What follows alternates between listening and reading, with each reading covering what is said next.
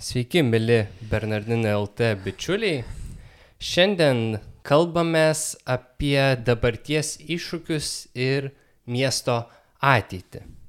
Na, o su manimi, Simonu Baliukoniu, šiandien kalbėsis ir apie miestą pasakos Jekaterina Lavrinėts, miesto antropologė, Vilniaus Gedimino technikos universiteto docentė. Sveiki, Jekaterina. Sveiki, gyvi bei Mariel Vituro. Iš kartais prašau už savo proletarišką tarimą. Viskas gerai. Marielė yra žurnalistė, jau daugelį metų gyvenanti Vilniuje ir dalinti šiandien savo patirtimi. Taigi, Marielė, kaip tik nuo jūsų ir norėčiau pradėti. Kaip ir minėjau, jūs jau seniai Lietuvoje ir seniai šiame mieste kuo jum Vilnius pasirodė patrauklus iš pat pradžių arba galbūt priešingai nepatrauklus miestas? Nu, kai atvyko pirmą kartą į, į Lietuvą, atvyko pirm, iš tikrųjų į Kauną ir tik tai po to į Vilnių. Praleido kelias dienas Kaune, po to atvyko į Vilnių ir nebuvo mačius tiek daug bažnyčių vienoje vietoje. Gal tinka Bernardinų pokalbėms, bet iš tikrųjų O po to visi sakė, taigi Romas, ten daug bažnyčių, nu, bet tada tuo metu ne, nebuvo buvus Romoje ir tai tikrai tai ta paliko didelį įspūdį.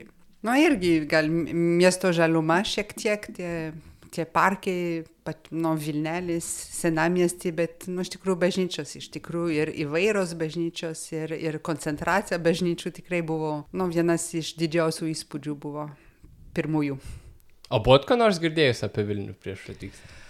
Nelabai iš tikrųjų, nes vis tiek, nu, Baltijos šalis, dabartinis Baltijos šalis priklausė Sovietų sąjungai, ne kaip Lenkija arba Čekijos, nu, Čekoslovakija ir panašiai. Tai, nu, iš tikrųjų, gana mažai ten tiesiog, nu, žinojai, kad buvusi Sovietų sąjunga ir, ir tiek ten nebuvo girdėjus apie tai.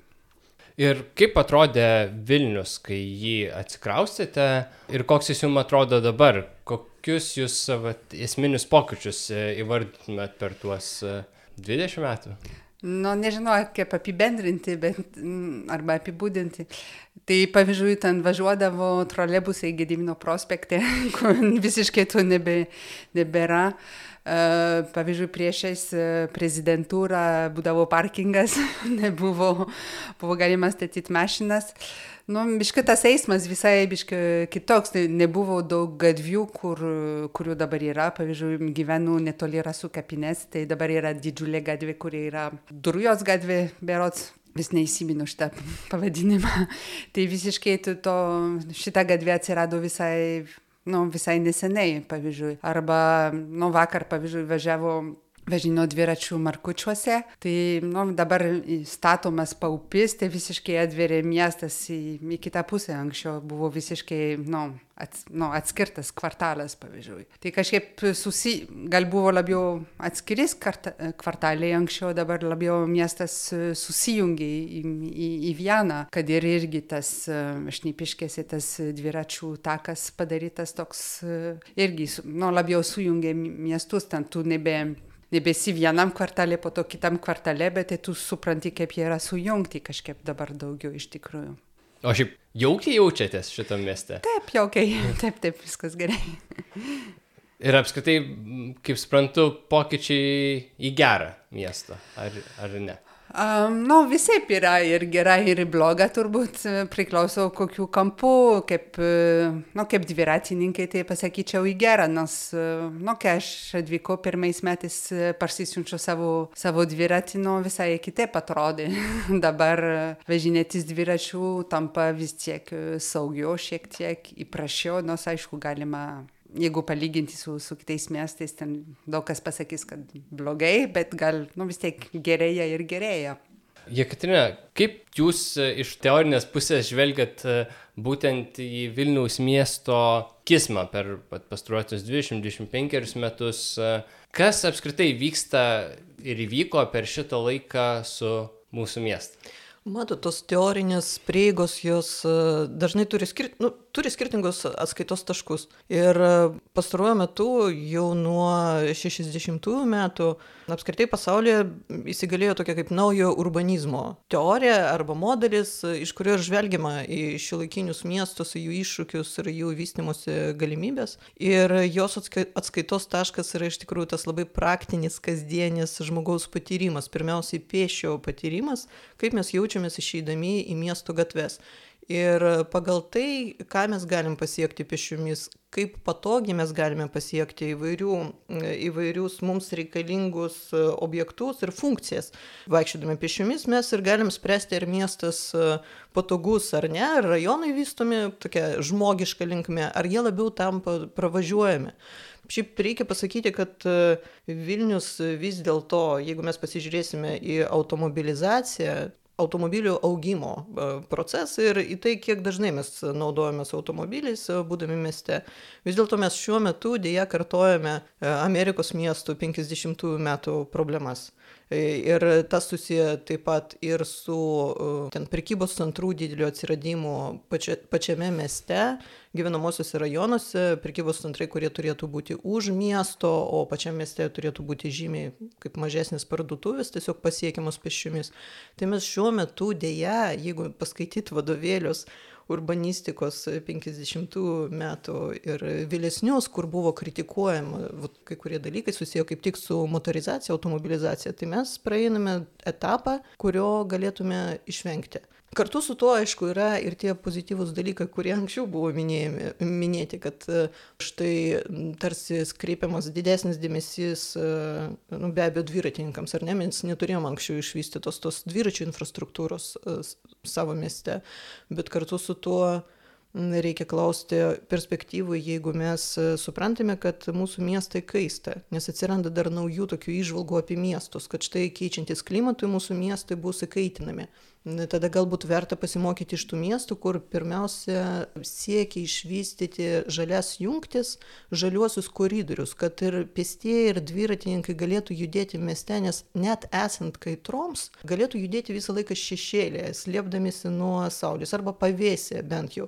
Ir kai kurie miestai iš tikrųjų tai daro. Pavyzdžiui, galima paminėti Vokietijos miestus, tokį miestą kaip Kylis, kurie sukuria visą seriją tokių žalių koridorių, arba net Paryžius jau juda tokio miesto želdinimo linkme. E, mes kartais e, dėkdami naują infrastruktūrą, dviračių infrastruktūrą dėja atsisakome tų žalių kokybiškų koridorių. Tai labai iš tos urbanistinės pusės reikia matuoti iš tikrųjų, ką mes laimim, ką pralaimim, kaip vis dėlto geriau sukurti tą naują infrastruktūrą, kad ji nu neatimtų iš mūsų to, kas buvo Vilnius e, toks bruožas skiriamasis. Tie tos alėjos, e, žalėje, žaliosios jungtis, galimybė patogiai judėti net per kaitras mieste, tai yra labai svarbu iš tikrųjų sąlyga toliau miestams išlikti gyvybingiams. Antraip mes visi e, per kaitras tiesiog slėpsimės kondicionuojamuose patalpose. Marielė, jums kaip augusiai, jeigu gerai suprantu, Prancūzijoje ir vėliau Vokietijoje, jaunystę leidusiai.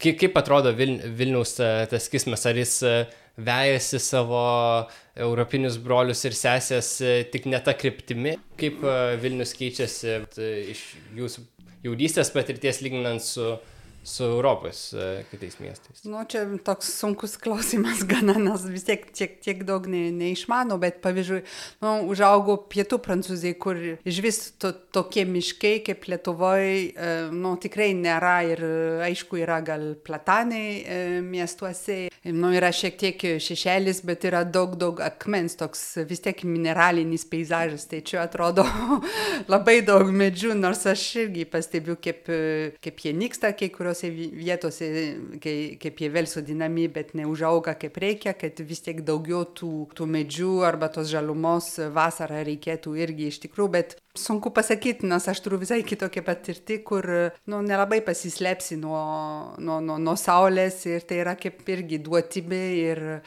Nu, čia, ta prasme, čia yra problema, kai, pavyzdžiui, kai virš tam tikros temperatūros, ten, pavyzdžiui, traukiniai lėčiau važiuoja Lietuvoje, kas man visiškai nesuprantama, kaip pietiečiai nesuprantama, kaip galima gyventi su minus 15. Tai čia toks, nu, sudėtinga, ten visą laiką, kai gyveni užsienį, tu viskas yra tampa relatyvų tam tikrą prasme. Tai, tai aišku, ten norėtųsi irgi kai kur daugiau tų, tų, tų medžių, aš suprantu, kai lapiai krenta irgi yra tam tikra problema, kaštai ir panašiai, bet čia akivaizdžiai yra jau senai įrodyta, kad žaluma padeda išgyventi vasarą pavyzdžiui, net buvo vasara Atenuose, kur visi, ką tu ten veiki, vasara Atenuose, bet pavyzdžiui, uh, net ten yra, nu, nedaug tų medžių, ten tikrai miestuose, ten daug irgi akmens ir statybos ir panašiai, bet pavyzdžiui, tas um, pirmas aukštas yra šiek tiek atitrauktas ir tas antras aukštas daro Tai yra Metas virš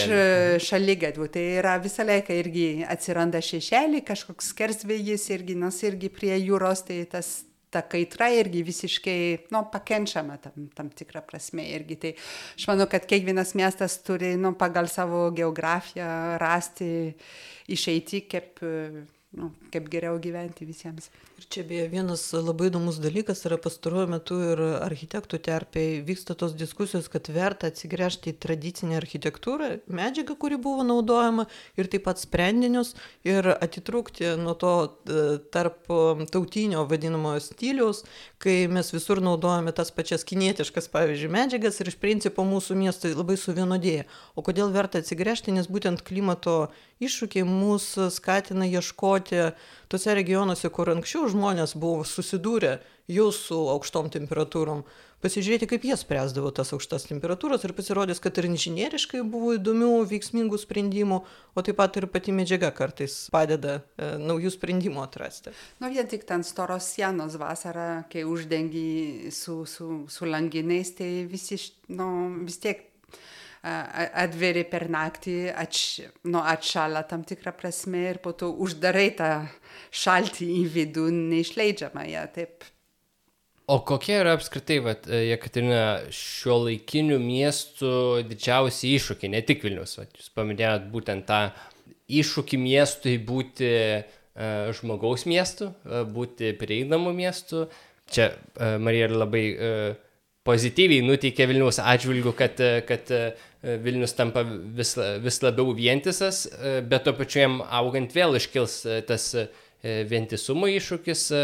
Kokie apskritai žvelgiant į tos pačios Europos miestus, kokie yra dabar didžiausiai iššūkiai miestų? Mm, iššūkiai labai panašus, iš tiesų tik skirtingi miestai skirtingose kaip etapuose yra tų iššūkių sprendimo.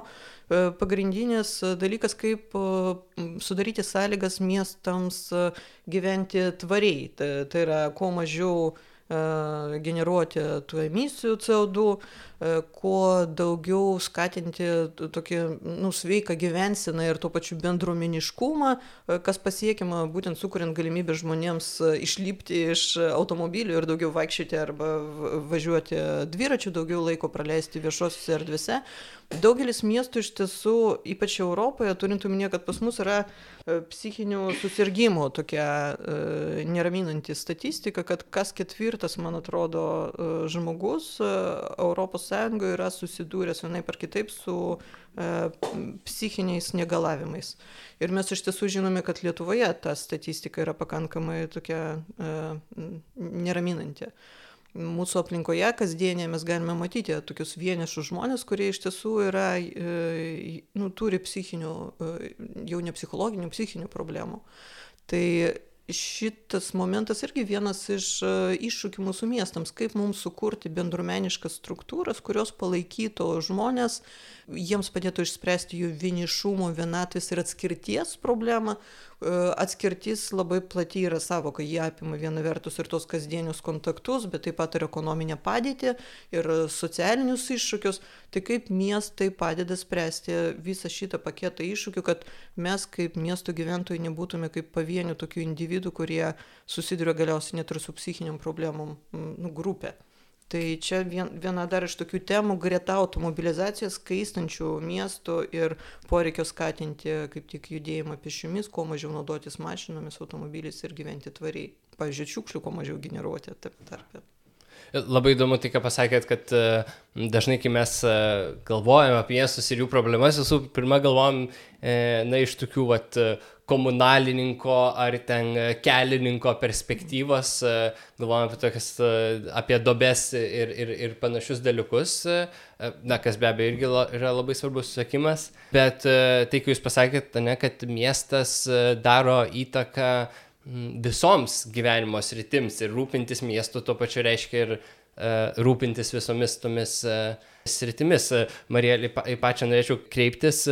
Čia toks kaip ir jau stereotipas yra, kad štai lietuviai yra tokie vat, vien, vieniši, nebendraujantis ir panašiai. Uh, įdomu, kaip jūs gyvendama uh, Vilniuje, šitame mieste, patyrė tą, kiek tai yra bendraujantis miestas, komunikuojantis miestas. Uh, Nu, aš gyvenu tokiam ypatingam kvartale, man atrodo, kur visi tikrai labai, labai e, draugiški tikrai yra, ta nu, bendro, bendruomeniškumas e, tikrai yra ir e, aišku, ten yra keli žmonės, kurie dažnai nu, užvedė tą bendruomeniškumą, bet nu, visi labai pa padedam ir, ir, ir panašiai, tai smagu, kad pavyzdžiui tas irgi jaunimas kvartalų irgi įsitraukia į tą bendruomeniškumą. Tai, nu, aišku, ten gal mažiau kalbus, pavyzdžiui, kaip žurnalistė, kai e, bandoma tokį um, vox pop, nu, mūsų žargonė sakoma, kai apklausti gatvėse žmonės, nu, labai sunkiai dalyjasi mintimis ir dažniausiai nenori atsakyti, bet iš to ten nespręsi, ten vis tiek yra labai daug asmeniškumo, koks tu pats esi ir ko, ko tau reikia iš tikrųjų.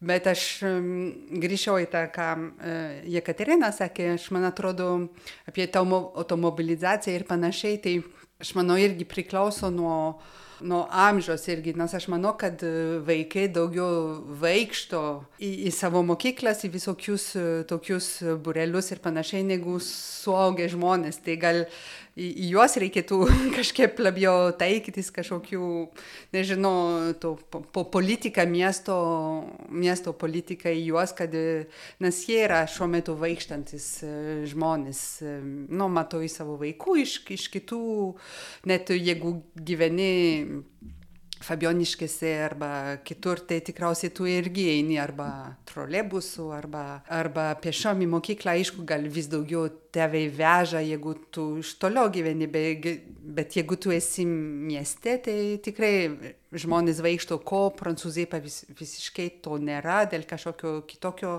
suvokimo, labiau saugumo suvokimas, kad gal uh, ne tiek, kad pereiti gatvė yra nesaugu, bet e, tiesiog vienas vaikščioti yra nesaugu. Ir tai yra gal nu, didžiausias skirtumas tarp Prancūzijos, man atrodo, ir, ir Lietuvos, kad maži vaikai, mano, nu, jaunasis sunus, aštuoni metai pats važiuoja trolebusu kas, pavyzdžiui, Paryžiuje, net Marselį ir būtų, nu, dar nesuvokamas dalykas.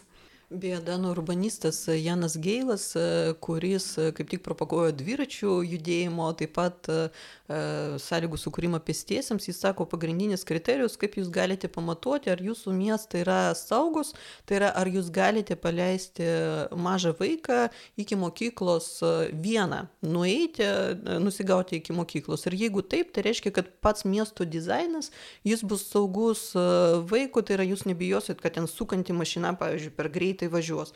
Arba kad nu, tiesiog ten laukiant prie pešiųjų perėjos, tu sulauksi kažkokių E, netikėtumų. Tai jau čia vienas iš tokių būdų pamatuoti tą e, saugią aplinką. Ir aišku, kad tai kelia reikalavimus ne tik iš tiesų dizainui e, miesto aplinkos. Pavyzdžiui, jis sako, kad štai jeigu yra pešių kelias, jis ir turi būti kaip prioritetinis. Tai yra posūkiai, jie turi būti irgi, jų grindinys turi atitikti to pešio kelio standartą, ar ne, tu turi jaustis, kad prioritetas yra tavo ir tada tu drąsiai keliausi iki savo mokyklos.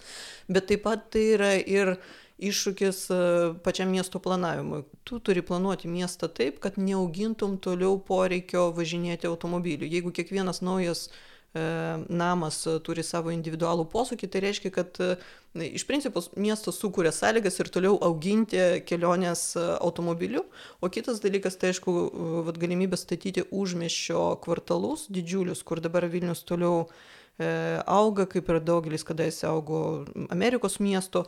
Ir iš tų kvartalų jau žmonės iš tiesų labai sunkiai pasiekia miesto centrą kitaip negu savo privačių transportų. O kalbant beje apie tą draugiškumą, nedraugiškumą arba tą polinkį kalbėtis, tai e, turėjau tokį epizodą su savo Erasmus studentais, atvyksta iš įvairių šalių ir kartais pagal mainų programas net iš Taivanio. Ir dariau ekskursijas į mūsų mėgamosius rajonus, nes galvoju, kad jų ir vietiniai studentai viena vertus vis daugiau iš jų gyvena individualiuose kvartaluose ir nemato tų mėgamųjų senųjų rajonų. O kita vertus Erasmus studentams gal tai iš vis egzotika yra. Ir po kelių ekskursijų studentai tyrinėja tos rajonus, kaip veikia tos žaliosios erdvės rajonuose, e, ką veikia žmonės tose žaliose erdvėse. Ir vietiniai studentai buvo grįžę iš savo to lauko tyrimo, sakydami, labai sunku susikalbėti su žmonėmis, kartais yra kalbinis barjeras, ne visi vyresnio amžiaus žmonės gal net lietuviškai supranta. Ir grįžta studentas iš Taivanio su krūva nuotraukų e, padarytų tose rajonuose ir sako, puikiai susikalbėjau su visais ir mes klausom, kokia kokia kalba tu kalbėjai? Sako, nu aš angliškai, jie savo kalbomis, bet mes kūno kalba viską supratau, su visais nusifotografavau. Tai va ta kūno kalbos poveikis irgi mūsų kontaktų ir tai, kad žmonės iš tikrųjų įeina į tą e, kontaktą. Tai yra, jeigu tau reikalinga pagalba, jeigu jie mato, kad yra nesuprantantis žmogus, iš principo gali ištiesti ranką, bet ne pirmį, reikia paprašyti, tarsi prieiti ir tada jau atsako. Jo, nu, galima, jeigu tu atitinkai užsieniečio gero įvaizdžio irgi, man atrodo, daug, daug lengviau baltaodis ir panašiai, man atrodo irgi, kad padeda, nes pavyzdžiui, aš kaip tik grįžau praėjusią savaitę iš, aš važiavau į Latviją, Estiją, į pasienio zoną prie Rusijos, pažiūrėti, ar daug ukrainiečių atvyksta ir panašiai. Ir ten, pavyzdžiui, irgi iš tų savanorių, ten, kurie padėjo ukrainiečiams, toks, irgi labai toks pozityvus, kaip, kaip, kaip faina, kad ateina užsieniečiai pas mus pažiūrėti, kaip mes gyvenam, kad jūs rūpinatės mumis ir panašiai. Tai tas irgi veikia labai ir tu esi irgi kaip užsienietis, nu, dabar šiek tiek mažiau, bet anksčiau tai esi privilegiuotoj pozicijoje. Prie Vilniaus tarptauti, tarptautiškumo dar, dar perėsime, bet e, dar vis nesinoriu paleisti iš tikro transporto temos, e, nes, nes jinai susijęs ir su bendravimu. Ir atrodo, kad mes viena vertus dabar aiškiai siekiam, kad Vilnius būtų pasiekiamas miestas, e, miestas, kuriame užtenka viešojo transporto, ar ten dviračio ar kojų, įdant pasiektume norimus taškus kita vertus būtent ką e, ką jūs jekaterina paminėjot kad miestas sparčiai plečiasi į į pakraščius e, su kuriais susisiekimas dažniausiai įmanomas tik automobiliais e, bet kuriuose kultūros pramogų dažniausiai neužtenka dėl to žmonės vis tiek važiuoja į centrą ir tai daro automobiliais į, į darbą taip pat juda kiekvieną dieną. Atrodo kad tai yra tarsi tiksinti bomba tam tikra prasme tokia transporto bet ir mies, miesto miesto veidui. Kaip išspręsti šitą dilemą, kai uh, viena vertus ta, ta plėtra užmestyje padeda mm, šiek tiek atlaisvinti krūvį nuo uh, nuo plėtros miesto viduje, kai, ne, kai, kai tampa vis sunkiau susirasti būstą ar, ar, ar vis daugiau erdvių užstatoma. Kit, kita vertus, tas automobilių judėjimas į patį centrą irgi iškreipia miesto veidą. Kas yra įdomu, kad e, kaip tik to naujo urbanizmo atstovai didelė dalim buvo iš Amerikos miestų, kurie 50-aisiais metais ir 60-aisiais patirdavo automobilizacijos tas e, pasiekmes negatyves. Ir jų siūlymas e, ir atsakas į tos iššūkius buvo kompaktiškas miesto planavimas. Tai yra tavo rajone, tavo kvartale visos funkcijos reikalingos gyvenimui turi būti pasiekiamos pėsčiomis per 20 arba 15 minučių. Bet e, tai turi būti sąžiningai taikomas principas, nes jeigu mes sakome, pavyzdžiui, Vilniuje, kad štai mes tankiname miestą, kad jis būtų kompaktiškas, bet tankiname tik gyvenamaisiais uh, pastatais, tai mes dar labiau iš tikrųjų paverčiam vadinamuosius miegamuosius rajonus miegamaisiais, nes juose dar labiau pradeda trūkti funkcijų. Pavyzdžiui, kad ir tie patys vaikų darželiai ir mokyklos, kurie yra tose senosiuose rajonuose, jie jau negali atlaikyti to kiekio paklausos, kuris auga. Ir analogiškas dalykas yra, aišku, su tais užmišiais, kuriuos jau pastatėm kurios leido savivaldybė pastatyti. Čia dar vienas momentas galbūt yra ir tas nuseklus planavimas miesto. Tu negali tiesiog dalinti sklypus ir jiems nustatyti funkciją, kad štai čia gali būti tiek ir tiek gyvenamųjų, reikia vis dėlto griežčiau planuoti miestą, ypač kai mes e, kalbame jau į plėtrą, į naujas teritorijas. Tai planavimo dokumentai yra savivaldybių rankose ir savivaldybės gali tai daryti, nustatydami, kokios kur funkcijos gali atsirasti. Ir galbūt vis dėlto aplinkų miestą reikia išlaikyti daugiau rekreacinės funkcijos, nes mes žinome, kad dabar kai kuriuose rajonuose Vilniečiai susiduria su tuo, kad jie nebepasiekia net viešojo transporto e, per trumpą atstumą E, jų rekreacijai, jų sveikatai reikalingų parkų. Sakykime, parkas yra užstatytas, nu kaip valakampiai. Ar ne, žirmūnų gyventojai ilgą laiką buvo įpratę savaitgaliais vaikščioti šeimomis į valakampių mišką, tai buvo miškas, dabar tai yra tiesiog tokių sodybų koncentracija su vienu taku paliai nerį. Tai štai tai irgi yra problema, kad pačiame mieste, ten, kur buvo rekreacinės teritorijos, jos skaidomos ir naujais keliais, ir naujais užstatymais. Tai kompaktiškas planavimas yra atsakymas. Skirstimas paslaugų ir funkcijų, e, galvojant apie tai, kad jos turi būti pasiekiamos e, kiekvieno rajono e, gyventojams.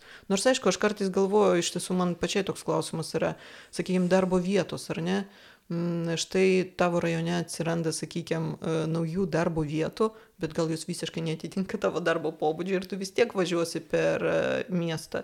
Ir Panašiai tada... yra ir su, su, su švietimu iš tikrųjų, kad, ne, ne, kad uh, nepaisant to, kad mes galim pastatyti mokyklų tam tikrose rajonuose, bet nebūtinai uh, atsiras mokytojų, galų gale nebūtinai uh, ten gyventi žmonės norės, norės ten mokytis, nes norės į konkrečias gimnazijas ar progimnazijas. E, tai tada antras dar atsakymas yra viešojo transporto sistemos tobulinimas. Ir kalbant apie tobulinimą, mes turim kalbėti ne apie naujų ten USB jungčių įdėgymą autobusuose, kaip pavyzdžiui Vilniuje vienu metu nuskambėjo tokia PR e, kampanija, bet veikiau apie tai, ar žmonėms yra paprasta ir lengva pasiekti, ar patogu pasiekti stoteles viešojo transporto, kiek jiems tenka laukti tose stotelėse. Ir mes turim suprasti, kad taip daugelis E, savivaldybių valstybių dotuoja viešai transportą, jis neturi būti pilningas, tai nėra komercinė organizacija e, viešojo transporto, tas valdymo e, organizacijos. Viešasis transportas reikalingas tam, kad miestas tvariai gyventų ir mes turim suprasti, kad jis gali pareikalauti kur kas daugiau investicijų, negu bus kažkokia graža perkant tos bilietus. Tai patogi transporto sistema, kad pasiekti patogiai stotelės, laukti patogiai E, ir kad apskritai transporto tvarkaraščiai būtų patogus gyventojams. Mes beje neturim čia Vilniuje tokias įdomias vietas, sakykime, nuvežti svečius arba su šeima nuvažiuoti į Europos parką tu randi autobusą, bet po ketvirtos valandos e, tam tikrom dienom tu jau negali grįžti atgal, tu turi eiti per kelias gyvenvietės, jeigu tu jau pasiryžęs e, atvykti viešuoju ir išvykti viešuoju, kad pasiektum autobuso. Tai pas mus yra tokių juodų dobių tiesiog transporto prasme Vilniuje, net važiuojant iš senų rajonų. Ką besakyti apie tos naujosius. Nu, aš turiu tik gerą patirties, nes vis tiek centre yra tikrai labai, nu, aš negyvenu senamiestį, bet gana centre, tai pešiom arba nu, viešųjų transportų, tai tikrai pasieku, man, kur man reikia, ko man reikia, tai tikrai, nu, čia daug, nu, vėl privilegijuota situacija tam, tam, tam tikrą prasme, kad iki stoties, iki oro arba į žvėriną arba į kitus kažkaip gana gana patogiai turbūt e, kaip yra, kai skersai reikia jeigu arba įstrižiai pasiekti miestą, tai čia kažkiek e, kitas reikalas. Bet, nu, aš pateikčiau, kad yra pavyzdžių, pavyzdžių, tą pradinukų biletą už 10 eurų tikrai skatina vaikams ir būti savarankiškam, ir pačiam judėti, pačiam suprasti, suprasti miestą ir suaugę irgi turi e, parodyti pavyzdį, nes, nu, tu augini savo vaiką arba kitus ten pavyzdžių, o ne deklaracijom tam tikrą prasme. Ir pavyzdžiui, šiemet turėjom norėjom nupirkti naujus naujas uniformos į, į miestą buvo šalia, į mokyklą tai buvo ta ateljė, ten suvykla buvo prie Kalvarių turgos, taip praktiškai iš namų, iš centro, sakykime, galima saugiai nuvažiuoti e, dviračių, e, dviračių iki tos vietos ir, ir važiavom su vaikais dviračių ir aš manau, tiek pat užtrukom kaip, kaip mašina ir tikrai yra saugu. Mm, dar yra, galima paminėti, nesenai įvestas e, mokytojo bilietas darbo dienomis, nemokamas mokytojams važiuoti, kas irgi yra, aišku, gerai, kad iš mokyklų tas trautas jis būtent viešuoju transportu juda. Mm. O e, nėra taip, kad e, šitie sprendimai yra mm, daliniai, bet tam tikrą prasme mm, neįgalus išspręsti to, ko negali iš tikrųjų dabar išspręsti nei vienas didesnis miestas. Tai yra, kad na, jeigu net ir miestas tvariai plečiasi, jis vis tiek tampa vis sunkiau prieinamas. Pavyzdžiui, Berlyne dabar išsinuomoti būstą ar juo, juo labiau įsigyti ne valandą nuo, sakykime, savo darbo vietos ar, ar, ar universiteto yra iš tikrųjų nu, labai labai didelis iššūkis. E, Vilniuje to šiek tiek mažiau, bet e, vėlgi mes gal, galim projektuoti tam tikrą prasme, ne, kiek mažesnis yra Vilnius už, už didžiuosius e, Europos miestus ir kaip, kaip jisai augant keisis ir su kokiais iššūkiais susidurs, vad kaip jūs minėjot, kad kai kurias problemas jisai atkartoja ne iš 50-ųjų E, Junktinių Amerikos valstybių miestų. Ar apskritai nėra taip, kad urbanizacija dar neturi sprendimų ne dėl to, kad e, kažkas neturėtų politinės valios juos priimti, o dėl to, kad e, vyksta tam tikri procesai, kurių mes dar nesam patyrę ir kurių nežinome, kaip suvaldyti. Lietuvos atveju aš manau, kad yra pakankamai sąmoningas, pučiamas būtent sostinės burbulas, kryptingai. Ir tai yra didžiulė klaida, nes mes esam šalis, kuri gretinant, sakykime, su mūsų kaimynais Latvijais, nesam vienos, vieno miesto šalis. Latvija savo, e, Latvija taip ir vadiname, sako, esam vieno, vieno miesto šalis e, Rygos, o visi kiti miestai jie labai maži miesteliai iš tikrųjų ir gerai jeigu jie turi kurorto statusą tai reiškia kad juose vis dėlto e, kažkoks verslas e, yra ir yra darbo vietos ir e, tam tikras srautas lankytojų yra užtikrintas. Tai mes šiuo metu lietuvoj aš manyčiau kad reikia iš tiesų atsigręžti į tą bendrąjį lietuvos planą kuris buvo parengtas aplinkos ministerijoj kuriame buvo deklaruojama kad bus siekiama vystyti tolygiai lietuvos regionus. Bet tas lietuvos regionų vystymas reiškia kad ir investicijos turi ateiti į tuos e, regionus ir tam tikros programos turi e, galioti. Tai aš sakyčiau, kad vienas iš, iš tikrųjų būdų, kaip galima būtų tos regionus e, vystyti, neleisti jiems taip visiškai prarasti savo, pavyzdžiui, jaunimą kaip energiją miesto. Tai yra sąsojus su universitetais ir švietimo galimybėmis tai yra viena vertus aš galiu suprasti va tas diskusijas kurios vyksta apie mūsų universitetus kad gal per daug tų universitetų buvo gal reikia juos konsoliduoti. Bet jeigu tu konsoliduoji juos tik keliuose miestuose ir atimi iš tų maž mažesnių miestų ne tokie jau ir maži ar ne pavyzdžiui iš šiaulių kažkokius fakultetus, o po to stebėsi, kad kaip čia šiauliai praranda savo jaunimą, tai aš manau, kad čia labai viskas e, nu, kaip iš anksto buvo ir suprantama, kad e, jaunimas pasitrauks ten, kur yra geresnis švietimo galimybės ir po to jau nebegrįž matyti savo miestus, nes neaišku, į kokias darbo vietas grįžti.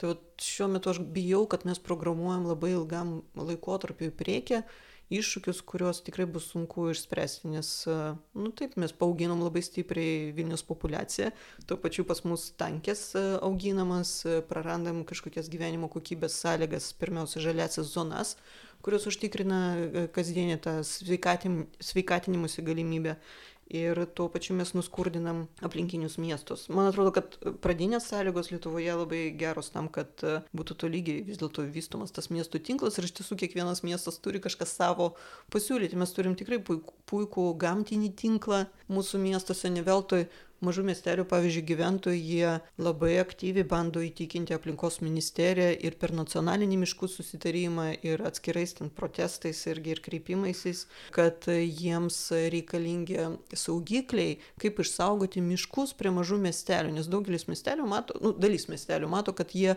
galėtų verstis ekologiniu turizmu pavyzdžiui ir tai leistų sukurti darbo vietas. Arba miškas kaip gydomoji tokia galimybė irgi leidžia miestui įvertinti kad o mes galėtume būti visai siekti kurorto statuso. Bet jeigu tie miškai kertami vardan medienos tai miesteliai praranda net galimybę perspektyvą organizuoti naujas darbo vietas ir tuo pačiu gal ir naujas specialybes įdiegti mūsų universitetuose aš žinau kad man atrodo nuo šių metų jau pas mus lietuvoje yra miško gido arba kažkaip vat su miškais susijusi tokia sveikatingumo palaikymo na orientuota profesija tai mes tarsi paklausą iš visuomenės turim turim net idėjų kaip galima būtų sukurti tuos naujus verslus ir nu labai reikalingas vyriausybės palaikymas o o kaip galėtų atrodyti vilnius kuris auga neišvengiamai auga nepaisant visų tų pastangų. Kokia galėtų būti vilniaus vizija ateityje? Kas tai kas tai per miestas galėtų būti? Nes viena vertus mes vat kalbam apie patrauklius centrus kad panašiai vat kaip centre galėtum judėti galėtum turėti žalias zonas taip toliau. Bet tie iššūkiai yra dideli gyventojų neišvengiamai augs. Kaip galėtų atrodyti miestas po trisdešim metų nežinau, bet pavyzdžiui, aš noriu trumpam mhm. sugrįžti, kad vis tiek nėra, kad ateisim vieną momentą ir viskas tobuliai atrodys. Ten, ten nėra, kad kažkokia siekiamybė, kad ateita, nu, kaip irgi, nu, nuo savam gyvenime, va, tą, tą ir tą darysiu, dabar viskas bus tobuliai. Ne, niekada to nebus, vis tiek visą laiką bus trintis kažkur, tai aišku, e, tobulėjimui ten rybio, ribų nėra, bet e, galima stengtis. Aš manau, kad tas žaluma tai tikrai būtų ta išsaugota išsaugoti tą žalumą būtų kažką labai svarbu. Aišku, aš pasakyčiau, kad lietuviai turi gal tokį statistišką po požiūrį į nu, į, į gamtą, nes tu, tu eini gamtą, kad stovėt. Na, nu, aišku, vis daugiau žmonių plaukia baidarėm, važinė su dviračiais, arba, pavyzdžiui, nėra jokių, pavyzdžiui, Estijoje yra žygio takai nuo šiaurės, į, nuo, nuo šiaurės į pietus ir nuo vakarų į rytus. Ir tu gali, tikrai yra tinklas, kur tu gali pereiti per, per visą Estiją. Nu, Lietuvoje tai yra tokie, nu, takai, tokie 5 km, nėra išvystyta galimybė judėti per, e, per šalį e, miško takais, pavyzdžiui, nu, gal vienintelis bandymas yra Kamino Lituano, ta e, Švento Jokūbo kelias yra, nu, vienas iš pirmųjų to bandymo kažką judėti taškais. Aš, pavyzdžiui, kad vyko į Lietuvą, ten dažnai su žygėjų klubu VU dalyvavo, tai tu esi lydimas, tu, tu negalvoji kaip kur eiti, tu pasitikė tais vedliais ir, ir eini, tai labai smagu, nes, pavyzdžiui, Prancūzija yra irgi garsėja savo, savo, savo takų e, tinklų. Tai aš manau, ta, tas galimybė judėti, kad ir pačiam mieste, pavyzdžiui, e, Marselį 13 metais buvo kultūros, nu, Europos kultūros sostinė ir padarė tokį žygio taką pačiam pačiam mieste. Nu, yra bandymai su tuo šimtą kilometrų aplink Vilnių irgi biškai sujungti, taip, nu, prasideda. Bet išaugoti tą ta, ta, ta žaluma ir ta galimybė jo vaikščioti mieste ir e, tas yra. Nes vis tiek e, Lietuva reklamuojasi nu, savo gamtą užsienį. Ten visą laiką gamta, gamta mūsų požiūris į gamtą, e, tai yra mūsų turtas ir panašiai. Tai reikėtų išsaugoti šitą, šitą dalyką. Čia puikus Marijos pasiūlymas, tikrai visai kaip pritarčiau. Ir, ir iš tiesų tos pešių jungtis tiek šalies mastu, tiek miesto mastu yra labai svarbus veiksnys užtikrinantis visuomenės sveiką gyvensiną ir taip pat socialiai sveiką gyvensiną tai čia vienas pirmųjų dalykų kuriuos reikia daryti no norint vystyti miestą tankinti miestą. Ar nėra taip pavyzdžiui kad naujų ten kelių atsiradimas arba naujų kvartalų aptvertų blokuoja e, pėsčiųjų takus tai apskritai čia klausimas miesto architektams ar yra tie e, ta takų pėstiesiems e, skirta sistema nes pavyzdžiui dviračių specialusis planas yra vilnius turi jį. Ir matyt kad ir kiti miestai irgi e, vieni kiti yra pasidarę.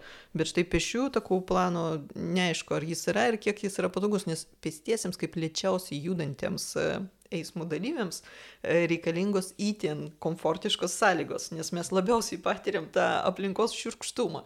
Tai čia iš karto ir aplinkos kokybės kriterijai, aišku, aukštesni tampa, jeigu mes orientuojam e, miestą į pešiosius.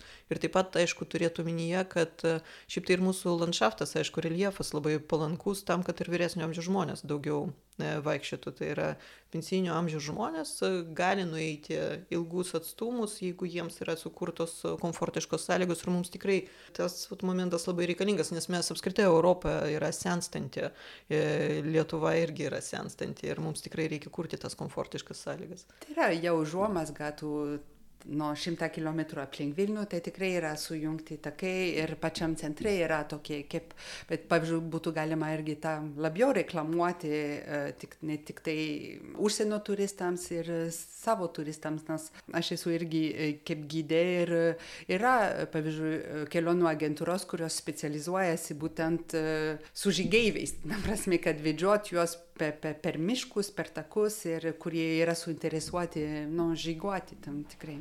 Mm, įvertinti, pavyzdžiui, ir kiek automobilių keliai daro poveikį miškams, nes, pavyzdžiui, jeigu jūs pasivaikščiotumėt Lietuvos miškais, jūs pamatytumėt, kad daugelis iš jų padengti automobilio triukšmo ir mes net turim triukšmo žemėlapius, jie yra prieinami, tai aplinkos ministerijos, man atrodo, platforma yra. Ir mes galim pamatyti, kad Vilnius miškai net padengti, patenka į raudoną zoną, tai reiškia, triukšmo lygis yra pakankamai varginantis. Nusakykime, tas pats Virkių parkas yra, kur nuo Virkių kelio einantis triukšmas padengia didelę parko dalį. Tai tu eidamas e, kalvariją stotelėmis, tu visą laiką girdi na, triukšmą nuo, nuo kelio.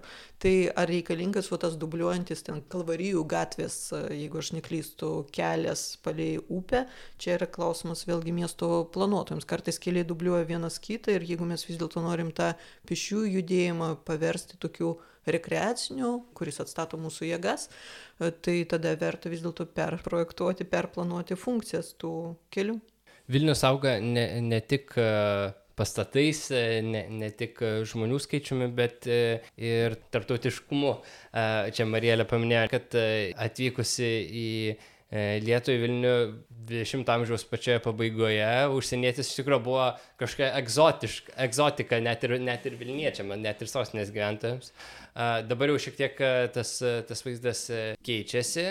Įdomu, kaip jūs matote tą kismą, ar Vilniui sekasi tapti tarptautiniu miestu ir tuo pačiu, ar jau matyti, kokie iššūkiai su, su tuo yra susiję tikrai yra vis daugiau užsieniečių, aišku, čia būnant ilgiau, tam tu susikūrus tam, tam sa, savo ratą, bet vis tiek stengiuosi irgi susipažinti su, su, su naujais žmonėmis ir tas vis tiek tas būti užsieniečių uh, irgi patirtis tai artina irgi žmonės.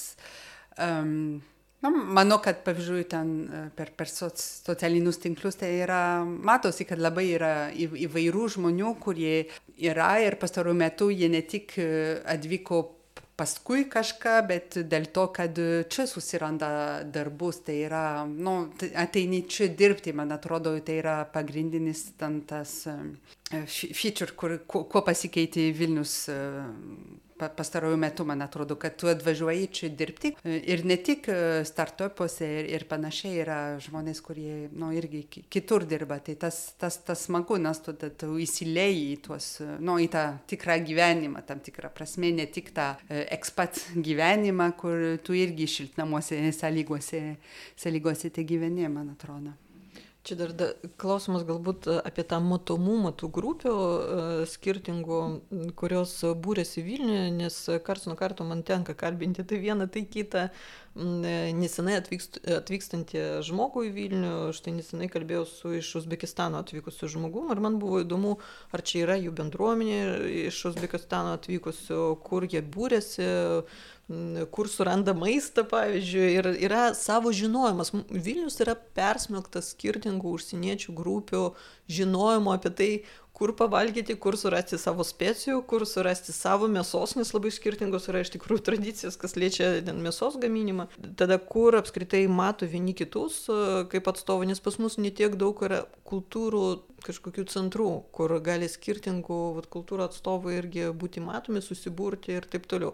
Mm, gretinant, sakykime, su Anglijos miestais, kur, kadangi yra neblogai išvystytas, gerai išvystytas socialinių, kultūrinių tokių platformų tinklas, tai tu gali, pavyzdžiui, užsukti į kokį nors pasakotojų vakarą e, kartą per savaitę ir išgirsti įvairių e, kultūrų atstovų žmonių, kurie gyvena tavo kvartale, tavo rajone pasakojimus. Nu, žinau, kad Lietuvoje dabar irgi dėka Mildos Varnauskaitės ir dar kelių žmonių ta pasakotojų kultūra kyla, kur leidžia kaip tik nu, tokie pasakotojų vakarai, jie leidžia įvairių kultūrų atstovams pasidalinti savo asmeninio patirtim. Ir tai, man atrodo, sudaro labai geras sąlygas e, dialogui. Kai tu per asmeninius kontaktus, per asmeninės istorijos e, klausimą, tokį emocinį ryšį e, steigi su žmonėmis. Tai va čia yra mums, kur dar plėstis, aš atsimenu Visagino buvo labai įdomi tokia iniciatyva, kai jie surinko pas juos labai daug yra įvairių etninių grupių ir užsieniečių grupių gyvenančių mieste ir jie surinko receptus maisto e, ir tuo pačiu pakalbino skirtingų grupių atstovus. Tai tu tuo pačiu e, gauni tokią receptų knygą su konkrečiais žmonėmis, kurie dar e, kažkokiais posakiais dalinasi ir štai per maistą įvyksta toks nu, bendruomeninių ryšių auginimas. Man atrodo, irgi atsiranda nauja grupė žmonių, tai yra lietuviai, kurie labai ilgą laiką gyveno užsienį ir kurie grįžta čia į Lietuvą ir kurie irgi, jiems reikia irgi integruotis, nes jie nebūtinai turi ryšių, pavyzdžiui, tėvai arba e, giminės ten gyvena gal nu, mažam miestelį, arba nebūtinai tėvai, bet yra tik tai giminės, gal tėvai liko Norvegijoje arba kažkur kitur. Ir, ir tu esi irgi, tu, tu esi tarsi iš čia, bet nesi iš čia. Ir irgi sunku integruotis, vis daugiau bus žmonių, kurie nebus užaugę čia, neturi jokių supratimų apie tą vietą. Jiems irgi reikia atrasti tą, tą, tą vietą, tai yra tarsi nu, nauja nauja užsieniečių grupė tam tikrą prasme. Nes, nu, pažinau vieną asmeniškai, kur, kur, kur, nu, irgi sunku integruotis. O šiaip Vilniuje sunku integruotis, kaip, kaip mieste, ar Vilnius, ar Vilnius priemantis miestas? Sostinėse visada lengviausia yra integruotis, nes jūs pagal apibrėžimą yra tarptautinės ir visada tie ryšiai tarp skirtingų kultūrinių grupių mums kaip ir būdingi, būdingi yra. Jo, man, man atrodo, kad taip irgi, kai, kai tu šneki lietuviškai, irgi daug, daug irgi lengviau čia. Bet, bet, bet kokiai šalyje irgi lengviau, kai, kai kalbi vietinį kalbą, tai lengviau vis tiek. Ir dar gal miesto daugias sluoksniškumas, tai kad mes turėjome tos skirtingus tokius istorinius laikotarpius, kur sanplaukos vykdavo tarp irgi skirtingų tautų, tai aš galvoju, kad tu labai dažnai gali kažkokią referencijų, tokių nuorodų sistemą surasti pačiam mieste, kartais architektūriškai, nu, pas mus atvykdavo architektai iš visos Europos iš tikrųjų.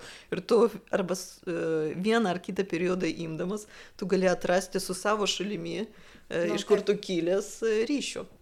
Pokalbį einant į pabaigą, norėčiau paklausti tokį labai asmeniško klausimo jūsų abiejų, ką jums reiškia būti Vilnietėmis?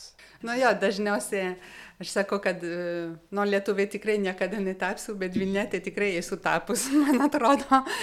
Tai man tai yra, nu, galimybė dar pridėti vieną sluoksnį prie savo biografijos. Aš tikrai, man atrodo, nu, sunku pasakyti, man atrodo, gana gerai pažįstu miestą, nors tikrai esu važiavusi daugybę kvartalų ir, ir išnaršus senamiestį ir, ir ne tik, ir, ir pasivaikščiojau, nu, daug kur mieste.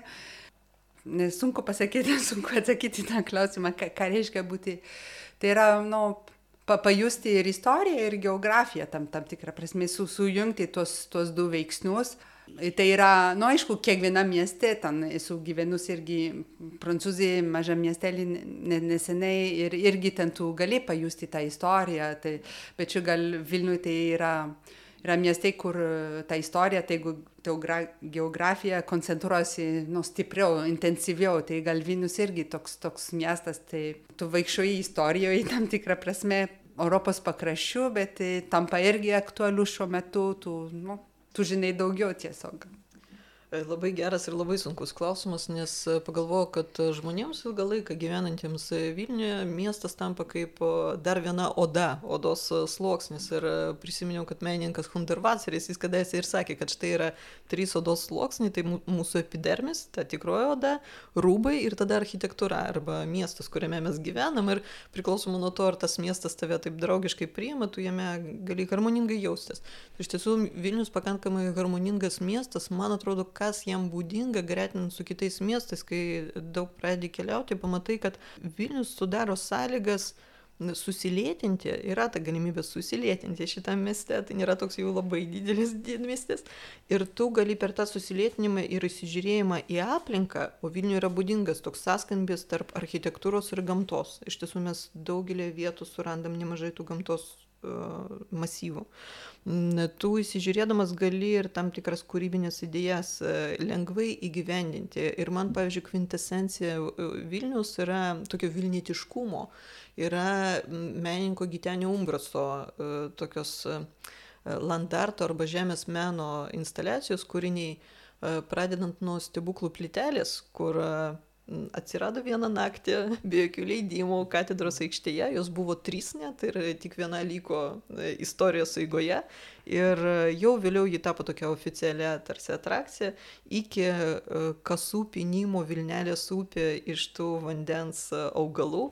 Čiulbančių kryžiaus e, žvyrinė, kur buvo pastatytas iš paukščio tų inkilų padarytas kryžius ir pavasarį ten atskrenda paukščiai ir daugelį kitų dalykų. Tai va tas tokių, toks atvirumas kūrybiniam interpretacijom, apskritai interpretacijom, buvimui, skirtingiems gyvenimo būdams. E, jis yra būdingas Vilniui. Pas mus labai toks minkštas ir įleidžiantis į save miestas. Ir jo vis daugiau irgi, vis tiek, na, nu, tam tikrą prasme, naujas miestas, e, nu, sakykime, 30 metų, sakykime, nuo nepriklausomybės vėl atgavimo. Ir jisai yra imlius, e, jisai yra, turi energiją tam, tam tikrą, su, su, sumanyti įvairius dalykus, bet irgi yra tokia filosofė prancūzė, tokia gana jauna, tokia Cynthia Fleury, kur sako irgi, kad laimė yra susijęti su nematerialiais dalykais, tam tikrą, nu, grubiai